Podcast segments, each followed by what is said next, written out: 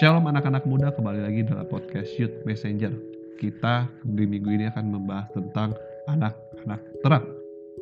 Dalam Efesus 5 ayat 1 sampai 8 berkata, Sebab itu jadilah penurut-penurut Allah seperti anak-anak yang kekasih. Dan hiduplah dalam kasih sebagaimana Kristus Yesus juga telah mengasihi kamu dan telah menyerahkan dirinya untuk kita sebagai persembahan dan korban yang harum bagi Allah. Tetapi pencabulan dan rupa-rupa kecemaran atau keserakan disebut saja pun jangan di antara kamu sebagaimana sepatutnya bagi orang-orang kudus. Demikian juga perkataan yang kotor, yang kosong atau yang sembrono karena hal-hal itu tidak pantas tetapi sebaliknya, ucapkanlah syukur. Karena ingatlah, ini baik-baik. Tidak ada seorang yang sundal, orang cemar atau orang serakah, artinya penyembah berhala yang mendapatkan bagian dalam kerajaan Allah atau kerajaan Kristus dan Allah. Janganlah kamu disesatkan oleh oh, disesatkan orang dengan kata-kata yang hampa, karena orang hal-hal yang demikian mendatangkan murka bagi Allah dan atas orang-orang durhaka. Sebab itu, janganlah kamu berkawan dengan mereka. Memang dahulu kamu dapat kegelapan, tetapi sekarang kamu adalah terang dalam Tuhan. Sebab itu, hiduplah sebagai anak-anak terang.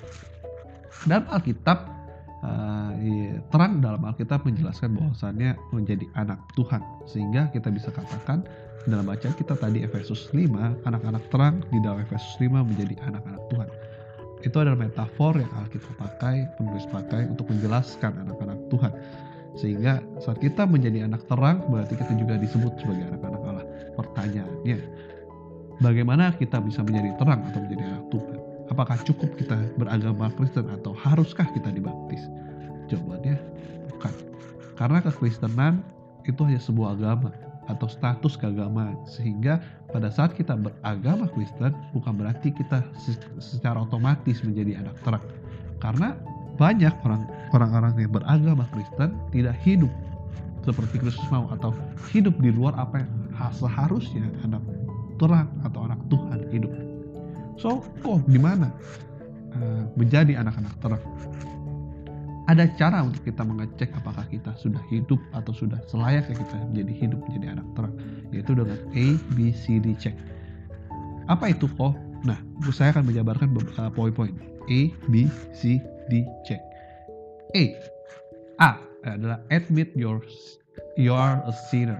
Akui kalau misalnya kita adalah orang berdosa. Sebab manusia sudah jatuh dalam dosa dan tidak ada orang yang benar-benar bersih atau benar-benar suci di muka bumi. Dalam Roma ayat 3 atau 3 katakan karena semua orang telah berbuat dosa dan telah kehilangan kemuliaan Allah. Pada saat manusia pertama diciptakan Adam dan Hawa saat itu mereka melanggar perintah Tuhan melanggar apa yang seharusnya mereka taati yaitu tidak memakan uh, buah pengetahuan yang baik dan buruk. Sehingga mereka melanggar itu dengan memakan buah itu dan mereka jatuh dalam dosa sehingga kita ada dosa keturunan. Dan tabiat manusia uh, kebiasaan manusia adalah berbuat dosa sehingga uh, kita manusia ada ada benih dosa yang buat kita berpotensi untuk melakukan dosa sehingga kita seharusnya mengakui ya dalam kehidupan kita kita orang yang berdosa. Kita nggak bisa mampu nggak bisa suci atau bersih atau kudus karena kita adalah manusia berdosa.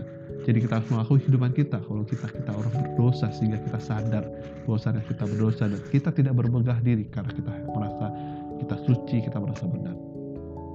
So admit your sinner. Mengakui kamu adalah orang berdosa. Saat kita mengakui kita adalah berdosa, kita uh, harus melihat ada pribadi yang tidak berdosa, yaitu Tuhan yang akan menyelamatkan kehidupan kita. Yang kedua, B, B, yaitu believe God has to die and rise for us. Akui, percaya kalau Tuhan telah mati dan bangkit untuk kita. Dalam Roma ayat 10, 6 ayat 10 katakan begini, sebab kematiannya adalah kematian terhadap dosa dan satu kali untuk selama-lamanya dan kehidupannya adalah kehidupan bagi Allah. Ayat 11, demikianlah hendaklah kamu memandangnya bahwa kamu telah mati bagi dosa dan kamu hidup bagi Allah dalam Yesus Kristus. Percaya Yesus sudah bangkit dan mati dan bangkit untuk kita. Dan kematiannya dan kebangkitannya itu untuk mendubus dosa-dosa kita. Kita percaya itu. Kita akui itu sebagai kehidupan kita karena kita orang berdosa dan dunia mati untuk datang ke dunia mati untuk dan bangkit untuk kita karena begitu besar kasih kasih kasih karunia Allah bagi kita manusia dia merelakan anak yang tunggal. Untuk apa? Untuk mati dan bangkit untuk kita. Karena kita nggak bisa selamat kita nggak bisa masuk dalam kerajaan surga dengan kemampuan kita sendiri. Sehingga kita butuh Tuhan mati dan bangkit untuk kita. Yang ketiga C confess that Jesus is the Lord. Dalam Roma ayat 10 uh, 10 ayat 9 katakan begini sebab jika kamu mengaku dengan mulutmu bahwa Yesus adalah Tuhan dan percaya dalam hatimu bahwa Allah telah membangkitkan dia dari orang mati maka kamu akan diselamatkan pada saat kita percaya kalau Yesus telah mati dan bangkit dan percaya Yesus adalah Tuhan dan Juru Selamat kita hidup, kita diselamatkan. Sehingga saat kita diselamatkan, kita sudah masuk dalam satu pintu gerbang, kita menjadi anak Tuhan. Saat kita mengaku kita berdosa dan kita percaya Yesus Tuhan telah bangkit dan kita percaya Yesus adalah Tuhan dan Juru Selamat kita hidup, maka kita diselamatkan, kita diangkat menjadi anak-anak Tuhan, menjadi anak-anak Allah. Sehingga kita menjadi anak terang. Tapi sebelum sering kali kita hanya stop pada percaya kepada Tuhan dan kita lupa untuk kita melakukan yang terakhir yaitu D, yaitu D, yaitu do law, melakukan hukum. Karena saat kita hanya percaya kepada uh, Tuhan, kita hanya mengaku bahwa Yesus adalah Tuhan, itu nggak cukup. Karena saat kita percaya tanpa ada perbuatan kata Alkitab iman tanpa perbuatan adalah hakikat yang mati sehingga saat kita mengaku kalau kita ingin menjadi anak Tuhan menjadi anak terang kita nggak mau hanya stop pada saat kita percaya atau mengaku Yesus adalah Tuhan. Tapi juga kita melakukan hukumnya. Dia apa hukumnya? Dalam Matius 22 ayat 37 sampai 40 katakan yaitu hukum kasih.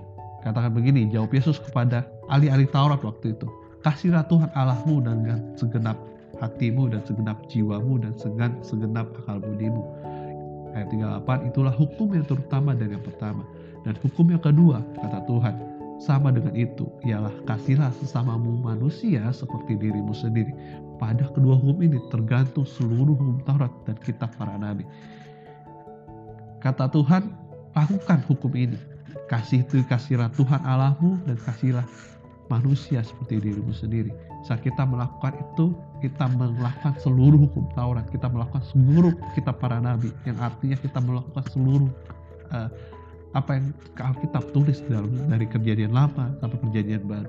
Yang artinya saat kita mengasihi Tuhan dengan seluruh kehidupan kita dan mengasihi manusia seperti diri kita sendiri. Yang artinya sama seperti kita mengasihi diri sendiri berarti bukan segenap segala apa yang kita punya. Kita mengasihi manusia juga.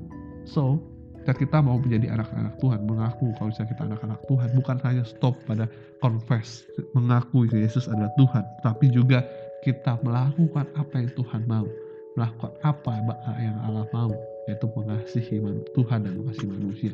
Karena ada pepatah berkata, uh, buah tidak akan jauh dari pohonnya begitu juga anak nggak pernah jauh nggak pernah jauh dari uh, bapaknya. Karena kita anak Tuhan berarti bapak kita adalah Tuhan. Kalau kita menjadi anak terang berarti kita harus punya uh, berarti kita adalah bapak dari bapak terang. Yaitu Tuhan itu sendiri. Dan Tuhan melakukan hal yang sama yaitu dia merelakan segala sesuatunya. Dan merelakan anak yang tunggal yaitu Yesus untuk datang ke dunia untuk mengasihi untuk menunjukkan kasihnya atas manusia. Begitu juga kita harus menunjukkan kasih kita kepada Tuhan dan sesama kita manusia. Saat kita melakukan ini kita bisa dianggap sebagai anak Tuhan. Kita mengaku kita adalah orang berdosa dan selalu terus bertobat. Dan kita percaya kalau misalnya dia telah mati dan bangkit untuk kita. Dan kita mengaku kalau Yesus adalah Tuhan dan Juru Selamat yang kita hidup. Dan gak stop hanya mengaku dan kita melanjutkan itu melakukan hukum kasih maka kita menjadi anak-anak Tuhan yang luar biasa. Menjadi anak-anak terang yang begitu terang seperti Yesus Mari kita berdoa. Tuhan terima kasih Bapak untuk uh, podcast hari ini yang mendengar. Berkati Bapak setiap pendengar-pendengar yang ada. Kau urapi Tuhan untuk mereka menjadi anak-anak terangmu. Mereka uh, mengaku mereka berdosa. Mereka uh, percaya kau telah mati untuk mereka dan bangkit untuk mereka. Dan mereka mengaku bahwa kau Yesus dan Tuhan dan Juru Selamat yang hidup. Dan mereka melakukan segala hukum kasihmu. Tuhan jika mereka menjadi terangmu Tuhan. Jadi uh, terang bagi dunia ini Bapak. Terima kasih Yesus, terima kasih Bapak. memberkati mereka dengan kekuatan yang baru daripadamu di dalam nama Yesus haleluya amin God bless you.